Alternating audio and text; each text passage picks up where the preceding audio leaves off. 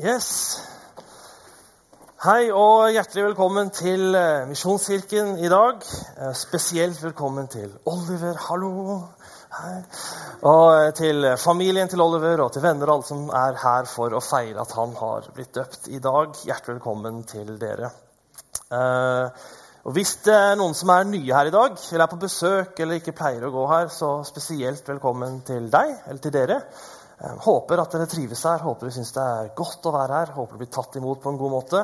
Eh, Hvis ikke, så kom igjen neste gang, så skal vi skjerpe oss. Eh, Så håper jeg at vi ser dere igjen. Og til dere som er på podkast, hyggelig at dere følger oss via internettet. Huff, ta tid, det var høflig. Yes, sånn. Mitt navn er Alexander Gundersen. Jeg er ungdomspastoren her i menigheten. Så jeg jobber liksom med de som er yngre enn dere som er her. Eh, det er veldig veldig stas. Det er ikke så ofte at dere ser ungdommene liksom på, her inne da, på søndag formiddag. Men de fins i menigheten, og de er kjempebra. Og dere har mye å være stolt av. Og hvis dere ser en ungdom eller noen dere liksom eh, ja, Ungdom det er litt sånn vanskelig å definere. da. Men hvis dere ser noen som dere ser på som en ungdom, eh, så vil jeg at dere skal være greie med dem. ok? Um, vi holder på med en taleserie her i kirka som heter 'Tro og hverdagsliv', som Lars Kristian sa innledningsvis. Og Det er en eh, taleserie hvor vi går gjennom Jakobs brev. Jakobs brev det er en bok i Det nye testamentet. I Bibelen eh, er skrevet av Jakob, som er da broren til Jesus. Det er han som har skrevet dette brevet. Um, som vi går gjennom. Og Hensikten med dette brevet, er liksom hovedlinjene i dette brevet, det er to ting. Det ene er personlig vekst i det åndelige livet. Eh, Slått. Og så er det omtanke for andre. Grunnen til at Jakob skriver dette brevet, det han, det han på en måte oppfordrer oss til, det han ønsker å se i de han skriver til, det er personlig vekst i det åndelige livet, at vi skal vokse i vår relasjon til Jesus, at vi skal bli bedre kjent med han, mer preget av han, og så er det at vi skal ha omtanke for andre. Eh, Det er ikke alltid det er så lett å se, men vi kristne er faktisk kalt til å bry oss ekstremt mye om alle som lever. Dessverre så er ikke det alltid så synlig, eh, men det er vi kalt til. Og det er mye av det som Jakob skriver om. Så hvis ikke dere har fått med dere talene, så gå inn på podkast på, på internettet og så hør på de.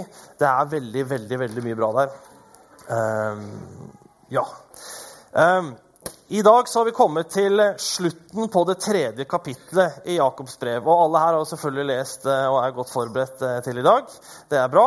Men i tilfelle noen av dere som ikke er det, så, så eh, gjør det gjerne etterpå. Det står noen vers på den bulletin-saken som dere fikk.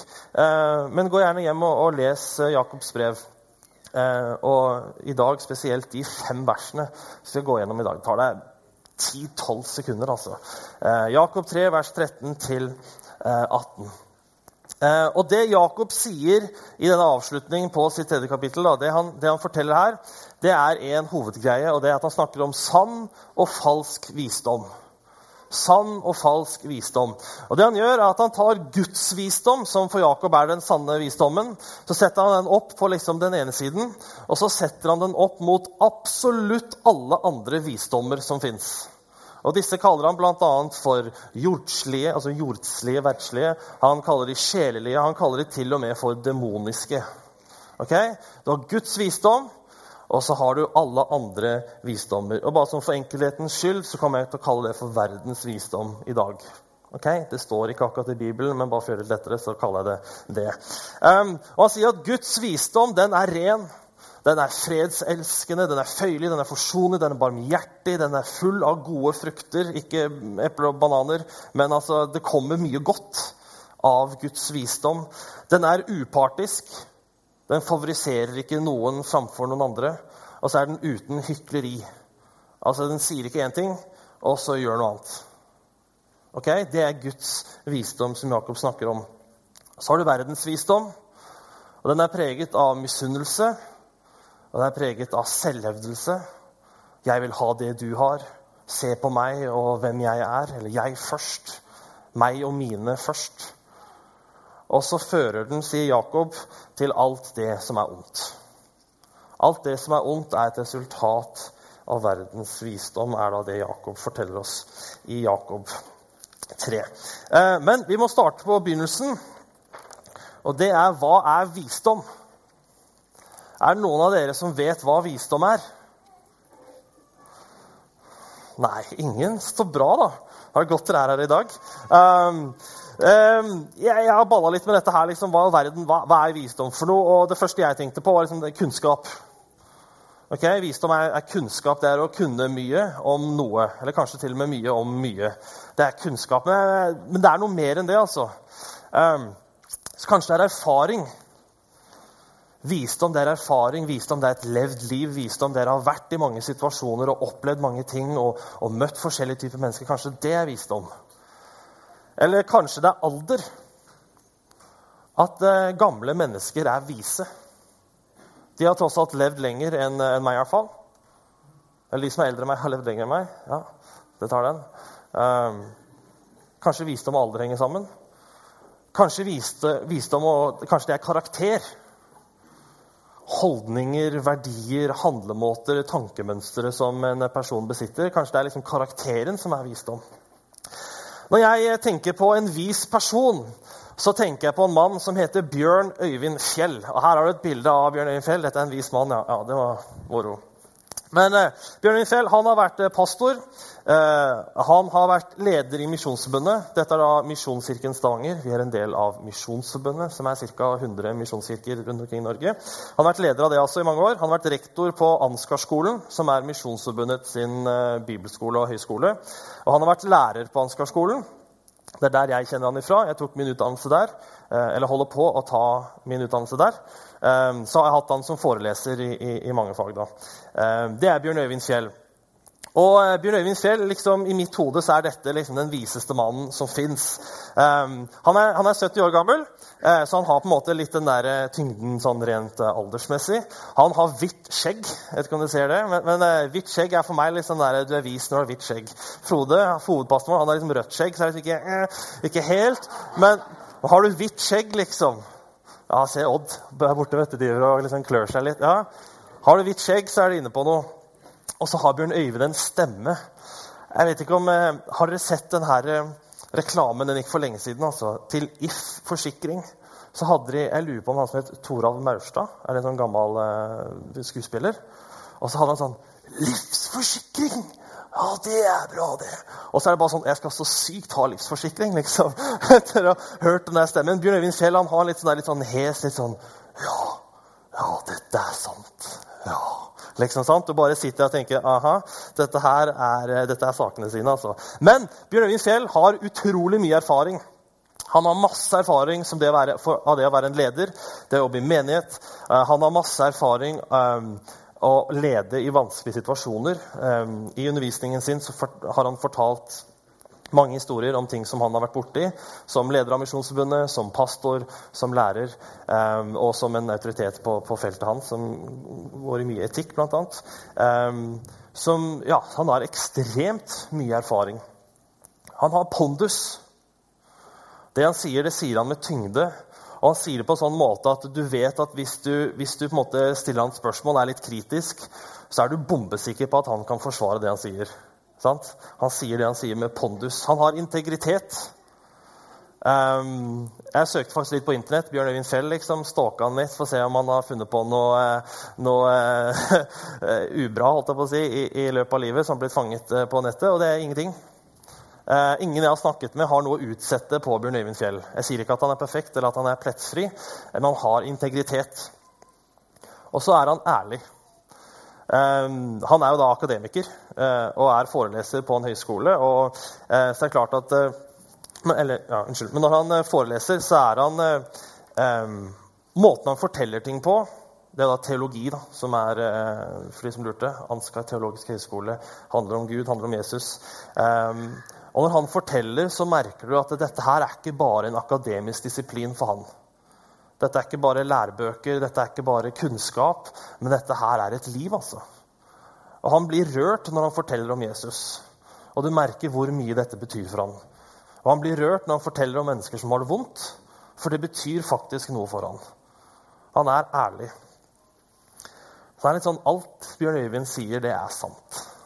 Hvis han sier at jorda er flat, så er den søren meg flat. liksom. Altså, det, er, det er liksom en vis mann som jeg tenker på, det er Bjørn Øyvind. Jeg vet ikke om dere har en type Bjørn Øyvind i deres liv. At dere har noen som dere ser opp til, levende eller død, for den saks skyld. Um, som på en måte Å, dette her er en vis person. Kanskje det er en bestefar, eller kanskje det er en sønn, for den saks skyld, eller en datter, en bestemor, kanskje det er en kollega, en sjef.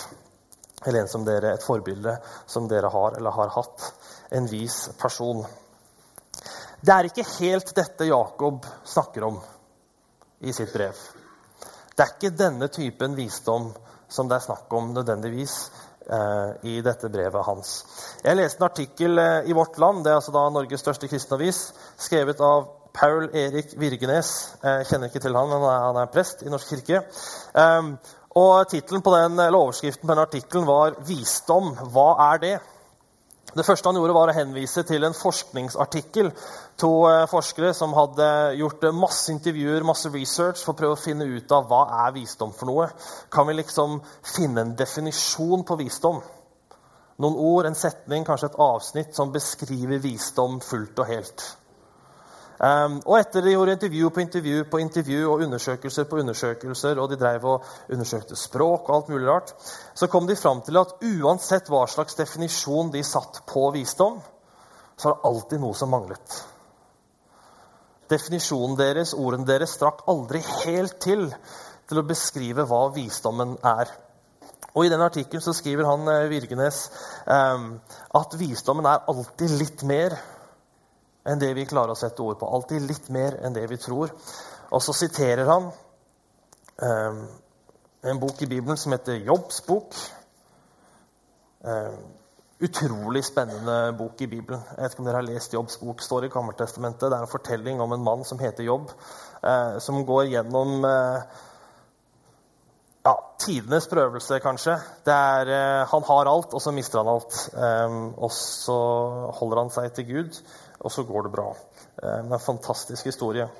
I hvert fall han, eh, I denne artikkelen så, så, blir eh, Jobb 28, vers 28 sitert, og der står det Og han sa til mennesket, Gud sa til mennesket altså, å frykte Herren, det er visdom. Å holde seg fra ondskap, det er forstand. Å frykte Herren, det er visdom. Og eh, Paul Erik Virgenes avslutter artikkelen sin med å si at det å venne seg til Gud er et perspektiv som vi aldri må glemme når vi snakker om visdom.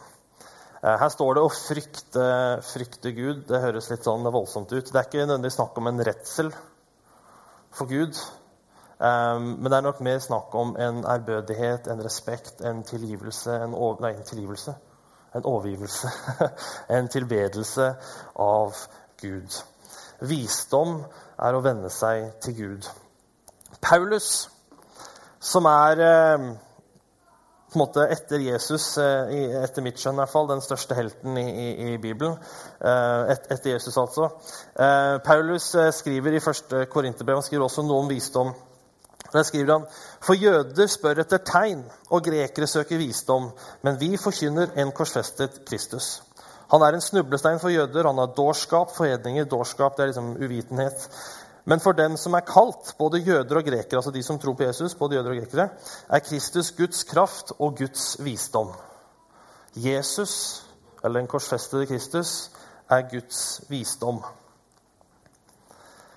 Jesus er Guds visdom. Jesus sitt verdensbilde, Jesus sin virkelighetsforståelse, Jesus sin definisjon av godt og ondt, Jesus sin nærhet til Gud, Jesus sin overgivelse til Gud, Jesus sin relasjon til Gud. Hvordan Jesus behandler folk. Med kjærlighet, med respekt, med tjenesinn. Måten Jesus møter mennesker med ydmykhet, men også tydelighet. Med utfordring, men tilgivelse også. Og med dom over synden, men til, eller nåde for synderen. Jeg kunne fortsatt og fortsatt og fortsatt, og fortsatt, men Jesus er Guds visdom. Alt det han har, alt det han sa, alt det han gjorde, alt det han var, er Guds visdom. Og vi er så heldige at vi kan få lov til å lære av han. Vi kan få lov til å gjøre som han, og vi kan få lov til å bli mer og mer lik han. Vi har ennå ikke lest fra Jakobs brev, som liksom skal være utgangspunktet for hele den greia her. Da. Eh, men vi skal ta med oss ett av disse fem versene. Det står i Jakob 3, vers 13. hvis jeg har gjort alt rett, så skal det stå på baksida av den der, eh, lappen deres. Forresten, hvis det er noen av dere som eh, tar notater, så spar et par linjer sånn helt til slutt, for der kommer det noe, kommer noe veldig bra. hvis jeg kan si det sånn. Eh, eh vers 13, ja. Eh, er noen av dere vis, da må han vise det gjerning i et rett liv preg. Er noen av dere vis og forstandig? Visdom å vende seg fra alt ondt, det er forstand. Stå forstandig. Så må du vise det jeg er vis, og så på en måte bare sitte hjemme og ikke gjøre noen gjerninger. Er du vis, så vis det i et. Hva er det dine gjerninger Eller hva er det ditt liv gjenspeiler? Hva er det, Og sånn som du lever, hva er det det viser?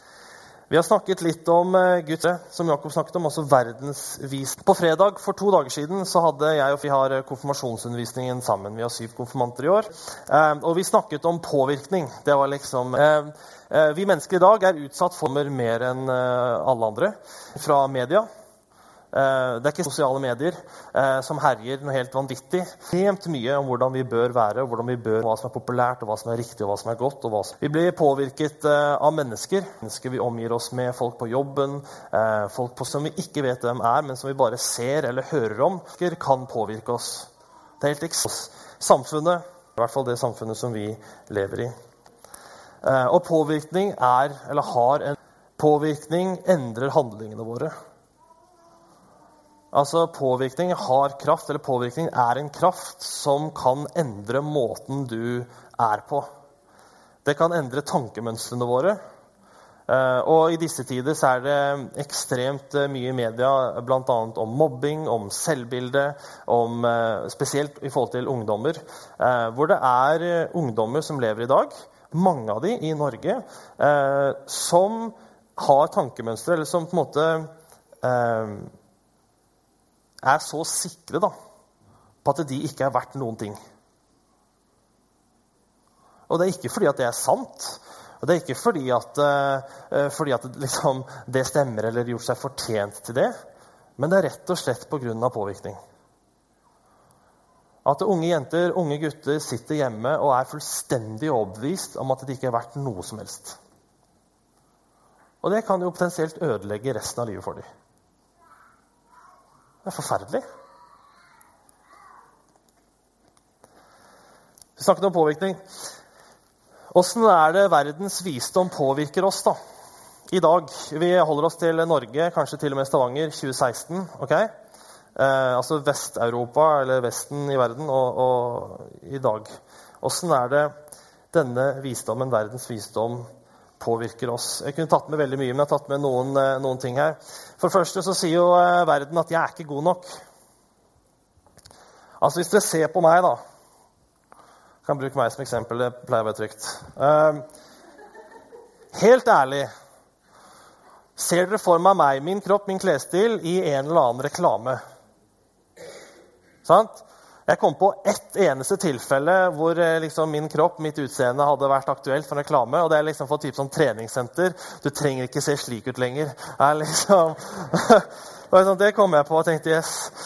Men altså, mitt utseende da, sant? Jeg er eh, ikke spesielt godt trent. Eller hvis jeg er det, så ser det i hvert fall ikke sånn ut. Eh, jeg har en klesstil som er sånn helt ok. Men hvis jeg skulle slått opp i et hvilket som helst moteblad eller eh, nettavis eller Facebook eller Instagram eller eller sånt, og sett bilder av hvordan liksom, de kule og de fine og de ordentlige eh, kler seg, så er ikke dette her noe spesielt, altså. Sant? Det er ikke det. Altså, verden altså det, ja, det, det Prøv å spøke, men det det er viktig og sant. Um, verden forteller meg at hvis jeg skal være mann Jeg er 26 år, da, så jeg, sånn, på papiret så er jeg mann iallfall. Um, Eh, eh, så må jeg ha skjegg. Har du sett Frode sitt skjegg? Han har så mye skjegg at han ikke barberer seg, men han kan stelle det. liksom, sant? Dette, Jeg barberte meg for én uke siden. Ja, og når jeg endelig får nok skjegg til at liksom, du kan se det at du på første gang kanskje, ja, men at jeg kan se det, så har jeg beskjed av kona at jeg må barbere det, for det ser ikke noe fint ut. så er liksom, Verden forteller meg at jeg ikke er god nok. og Det er mer eh, dyptsittende ting enn bare skjegget mitt. altså. Men altså, verden forteller meg at kroppen min ser ikke bra nok ut sånn som han er. Kroppen min forteller at jeg ikke har nok. Er kroppen min. Verden forteller at jeg ikke har nok. Jeg kan i hvert fall ikke være fornøyd med det jeg har. Eller det jeg har, det er bare det jeg har fram til jeg får noe som er bedre. Eneste grunn til at jeg bor i leiligheten jeg bor i, er for at jeg ikke har råd til en som er større og finere. Sant? Eneste grunn til at bilen jeg har, er for at jeg ikke har råd til en finere en. Altså, Verden forteller oss at vi ikke har nok. Om det gjelder hus eller bil, båt, hytte, om det gjelder klær, om det gjelder eiendeler ellers, om det gjelder mat, om det gjelder opplevelser, om det gjelder turer, så forteller verden oss at vi har ikke nok. Og vi skal ikke være fornøyd med det vi har. Verden forteller oss også at den eneste veien å gå, det er oppover, og det er framover. Går du bakover eller nedover, så er du mislykka. Det er ikke bra. Verden forteller oss at det eneste veien å gå, det er oppover, og det er framover. Den verste av de alle, syns jeg, da, det er at uh, verden forteller oss at uh, hvis du ikke er fornøyd med sånn som livet ditt er, så er det bare din skyld. For at i dag så er jo, Vi har så fritt uh, samfunn, og du har lov til alt, og du har mulighet til alt. Eh, kanskje spesielt ungdommer i dag. Da. Eh, jeg snakker mye med ungdom. Det er de jeg jobber mest med. Det er på en måte det jeg eh, er opptatt av. Men ungdommer får beskjed i dag, kanskje spesielt i forhold til utdanning og jobb, at du har alle muligheter. Du kan bli akkurat det du vil. Du kan gjøre akkurat det du vil. Alt er mulig. Og I utgangspunktet så høres det ganske fint ut. Men slagsiden er det at hvis ikke du oppnår det du vil, eller oppnår det som du har lyst til, så er det bare din skyld. For du hadde jo muligheten til det. Forferdelig, da. Tenk å være sånn 15-16-17 år gammel og vite at grunnen til at jeg ikke har fått det til, det er bare meg sjøl.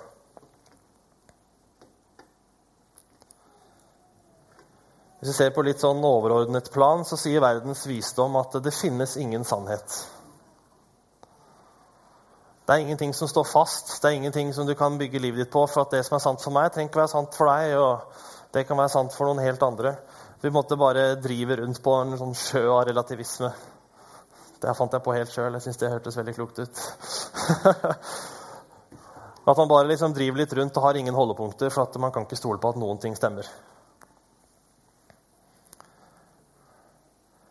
Og denne visdommen som eh, verden, altså verden vi lever i i dag, altså vårt samfunn eh, Bare en liten parentes. Det finnes gode ting i samfunnet òg. OK? Da, slutt. Eh, men det som, det som, denne verden forteller oss, det som samfunnet, kulturen, påvirkning, kanskje spesielt media, forteller oss, det er jo ekstremt preget av det som Jakob beskriver. Det er preget av misunnelse. Jeg vil ha det du har. Eller jeg vil ha det de andre har. Når jeg ser på reklame og får lyst på noe, så er det kun fordi jeg ikke har det sjøl. Eller hvis jeg ser på en, et forbilde, en kjendis eller en TV-serie en film eller et eller annet, og tenker 'Å, skulle ønske jeg var sånn', så er det kun fordi at jeg ikke tror jeg er det sjøl. Ekstremt preget av misunnelse. Jeg har lyst på det som du har. Man kan være misunnelig for alle mulige ting. Og det kan være ganske ja, ofte, Når det snakkes om misunnelse, så er det ofte snakk om måte, gjenstander da, eller ting, eiendeler. Um, um, men hva i forhold til um, ektefelle, da? Jeg skulle ønske jeg hadde en sånn ektefelle istedenfor den jeg har. Eller en sånn kjæreste. Jeg skulle ønske at kjæresten min var sånn som hun eller sånn som han istedenfor sånn som hun er eller sånn som han er. Nå er ikke jeg forelder, så jeg vet ikke, jeg vet ikke det er, men, men, eh, kanskje det er mulig å være misunnelig på andre sine barn? Skulle ønske at mine barn var mer som de. Det er ikke sikkert det er en varig misunnelse, forhåpentligvis ikke, men at eh, det kanskje er en tanke som kan dukke opp. Jeg skulle ønske de var mer som de andre, for det virker så utrolig mye bedre. Denne verdens visdom er preget av selvhevdelse, som, som, Jakob snakker om. Ikke bare se på meg, se på hvor fin jeg er, se på hvor flott jeg er, men også meg først. Det er meg og mitt først. Selv om det går på bekostning av andre, så er det meg og mitt først. Og kanskje til og med sist. Kun meg og mitt. Ingen andre. Jesus, som Paulus da beskriver som Guds visdom, Jesus sa aldri at eh, 'jeg må passe på meg selv, så jeg kan ikke hjelpe deg akkurat nå'. Eller eh, 'det å hjelpe deg, det koster for mye, dessverre'. Jeg må beskytte meg. Jeg må beskytte meg og disiplene mine. Så jeg kan ikke hjelpe deg. Jeg beklager. Jesus gjorde alltid godt selv om det kostet. Og han gjorde til og med det beste selv om det kostet alt. Det var ikke tvil. Det var aldri noen selvhevdelse der. At jeg skal først, at jeg har retten på det gode. Men han ofret seg for oss. Um, nå er vi straks, eh, straks ferdige. Bare en sånn kort oppsummering. Uh, vi har snakket litt om sunn og falsk visdom. Sann. Sunn, sa jeg sann? Sunn, sa ja. Guds visdom og verdensvisdom. Guds visdom som da er ren og fredselskende. Den er barmhjertig, den er føyelig og forsonlig, upartisk og uten hykleri og full av gode frukter. Guds visdom som er Jesus, som alltid satte andre først. Som det alltid var best å være med, være sammen med som alltid førte til noe godt. Som alltid førte til det som var best. Og så har du verdens visdom, som er preget av selvhevdelse og misunnelse, og som fører til alt som er ondt, og som forteller deg at du ikke er verdt noen ting.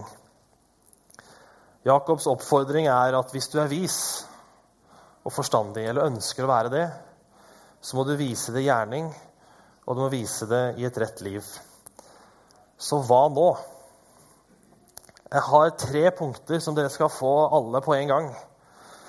Og hvis dere sparte noen uh, linjer nederst på arket, så er det dette dere kan skrive ned. Dette er helt, tre helt konkrete tips tror jeg, for hvordan du kan være et vist menneske. For det første, vær obs på verdens påvirkning. Fordi den påvirker deg, altså. Helt uten tvil. Vær obs på hvordan verden påvirker deg. TV-serier, filmer, musikk, radio, media, venner, familie, kollegaene dine på jobb, arbeidssituasjonen din, samfunnet, vennene dine. Hvordan er det det påvirker deg? Nummer to, la deg prege av Guds visdom. Og det henger så ekstremt tett sammen med punkt tre. Hvordan gjør man det? Jo, ved å gjøre som Jesus.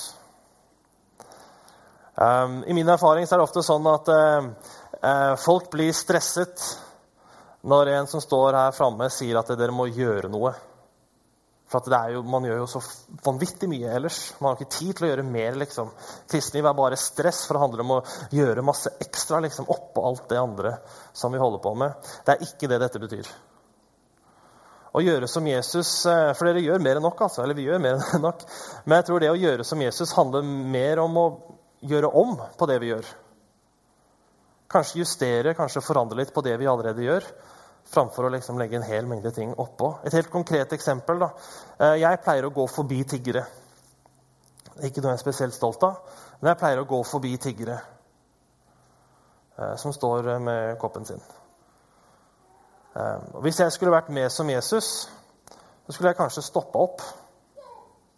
Altså gjort om på det jeg allerede gjør. Ikke gjort liksom en tilleggsting, men gjort om på det jeg allerede gjør. Gjør som Jesus. Ok? Så vær obs på påvirkningen. La deg prege av Guds visdom, som er Jesus, og gjør som han. Da skal vi be, og så skal lovsangsteamet få komme opp, og så skal vi ta en siste sang sammen. Kjære Jesus. Tusen takk eh, for det første at du, du elsker oss. Um, at uansett hva verden og reklame og media og folk eller samfunnet forteller oss, Herre, så, så, aksepterer du oss, og du elsker oss, og du tenker liksom åh, du er perfekt, akkurat sånn som du er. Eller akkurat sånn som jeg er.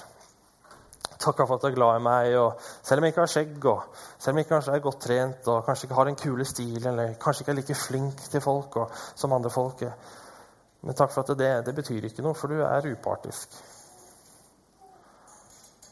Og Herre, jeg takker deg for at uh, du har på en måte åpenbart din visdom for oss. Du har vist oss hva det er for noe, og du har vist det i Jesus. Og Jeg ber deg her om din hjelp til å kunne lære av Jesus, til å gjøre som Jesus, til å leve som Jesus, og til å la oss prege av din visdom. Jeg ber om en uh, fantastisk fin søndag for alle sammen.